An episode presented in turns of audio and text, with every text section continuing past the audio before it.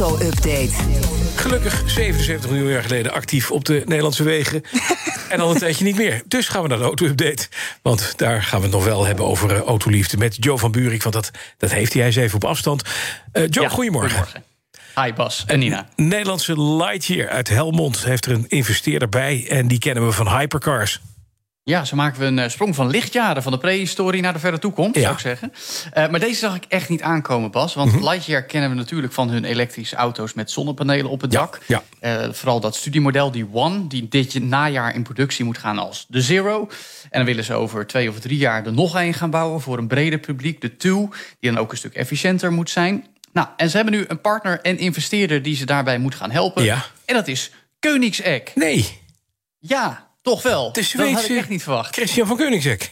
Jazeker, vooral Hey. bekend van de hypercars met meer dan Zeker. 1000 pk. En Ja. daarom noemen ze ze ook wel megacars daar in, eh, in Zweden. Eh, wat ik wel opvallend vind, eh, is dat meneer Christian von Koenigsegg, de oprichter, onlangs nog tegen Top Gear zei dat extreme elektrische hypercars volgens hem helemaal geen bestaansrecht hebben. Mhm. Maar dat zei hij vooral omdat Tesla's bijvoorbeeld ook al van 0 tot 100 kunnen gaan in drie seconden. Maar blijkbaar ziet hij investeren in een elektrische auto op zonne-energie wel zitten. Ehm, maar het is natuurlijk hartstikke mooi nieuws voor Lightyear ook om Ja. zo'n partij achter je te hebben. Zeker. Nou, ik heb al de hele tijd ingezet op de technologie die Lightyear heeft ontwikkeld. Want ze hebben natuurlijk wel slim panelen met slimme ja, algoritme om op te laden. En ik denk dat ze die kennis, hè, los van de auto's die ze dan bouwen, dat is meer een soort visitekaartje. Maar dat ze de tech kunnen gaan wegzetten bij andere bedrijven. Nou, Koenigsegg Ja. is natuurlijk een bedrijf wat weer goed ingevoerd is in een aantal andere grote maatschappijen. eh, eh, die motoren voor ze bouwen bijvoorbeeld. Dan moet je denken aan het VRG-concern. Dus van het een komt wellicht het ander. En die Christian Ja, van ze Koenigsegg... beginnen ze een beetje opgenomen te worden in het grote netwerk der grote jongens. Ja, en die Koenigsegg, die, de, de- hoewel de naam anders doet vermoeden... hij is helemaal geen Koenigsegg. Die is echt eh, best slim. Nee, maar goed. Dan, grote autofabrikanten zijn voorzichtig optimistisch... over het wegwerken van de productieproblemen. Want ze boeken klinkende cijfers. Vertel. Ja, nou ja, het zou toch fijn zijn, hè Bas? Want er zijn nu absurde levertijden op sommige merken en modellen. Je hoort mensen die soms al drie kwart jaar of nog langer moeten wachten... tot de auto die ze willen kopen eh, geleverd gaat worden, als die al geleverd wordt. Eh, de vraag is echt wel hoog genoeg, maar het is toch vooral dat vermaledijde chiptekort... dat voor last blijft zorgen en ook andere eh, problematiek in de supply chain. Maar topmensen van diverse grote autoconcerns zijn nu toch optimistisch dat het langzaam maar zeker beter gaat worden. Eh, toevallig eh, de afgelopen dagen meerdere concerns die kwartaalcijfers hebben gepresenteerd. Als eerst even naar Volkswagen. Dat heeft bij monden van de CFO een optimistische prognose gegeven, laat ik het zo zeggen. Er werd ook de eerste helft van dit jaar 20% minder geleverd dan in 2021. Maar de winst steeg wel met 16%. En ze verwachten dus dat het de tweede helft van dit jaar beter gaat worden met het aantal leveringen. Eh, ook bij Stellantis ziet de CFO lichtpuntjes, maar die is iets voorzichtiger. Die zegt dat het nog langzaam gaat. Maar de omzet is daar het afgelopen half jaar wel met 17% gegroeid. En de winst met 44%. Zo. 12,4 miljard euro bij Stellantis winst. Ford dan, eh, daar zien we 50% omzetstijging tot 40 miljard euro omgerekend. Eh, bijna 100 miljoen euro meer winst. Dus daar gaat het ook netjes. Maar daar zijn ze nog wel iets nou, pessimistischer, moet ik zeggen. Die zeggen supply chain problemen gaan wel minder worden. Maar die aanhoudende inflatie gaat echt voor veel meer kosten zorgen. En daarom hadden we het laatst al over, Bas, dat ze 8000 werknemers gaan ontslaan. Eh, dus Ford, moi, iets minder. Ook bij Mercedes, de CEO Ola Colenius eh, heeft eh, wat toelichting gegeven. Die zegt, ik verwacht dat het chiptekort nog wel even blijft aanhouden. Maar vooral de onzekerheid over het Russische gas speelt een factor voor Mercedes. Al gaat het er op zich ook prima. 7% minder auto's geleverd over het afgelopen kwartaal ten opzichte van vorig jaar. Maar wel 8% meer winst. En die noteren daardoor ook een plus van 4,9 miljard euro. Zo.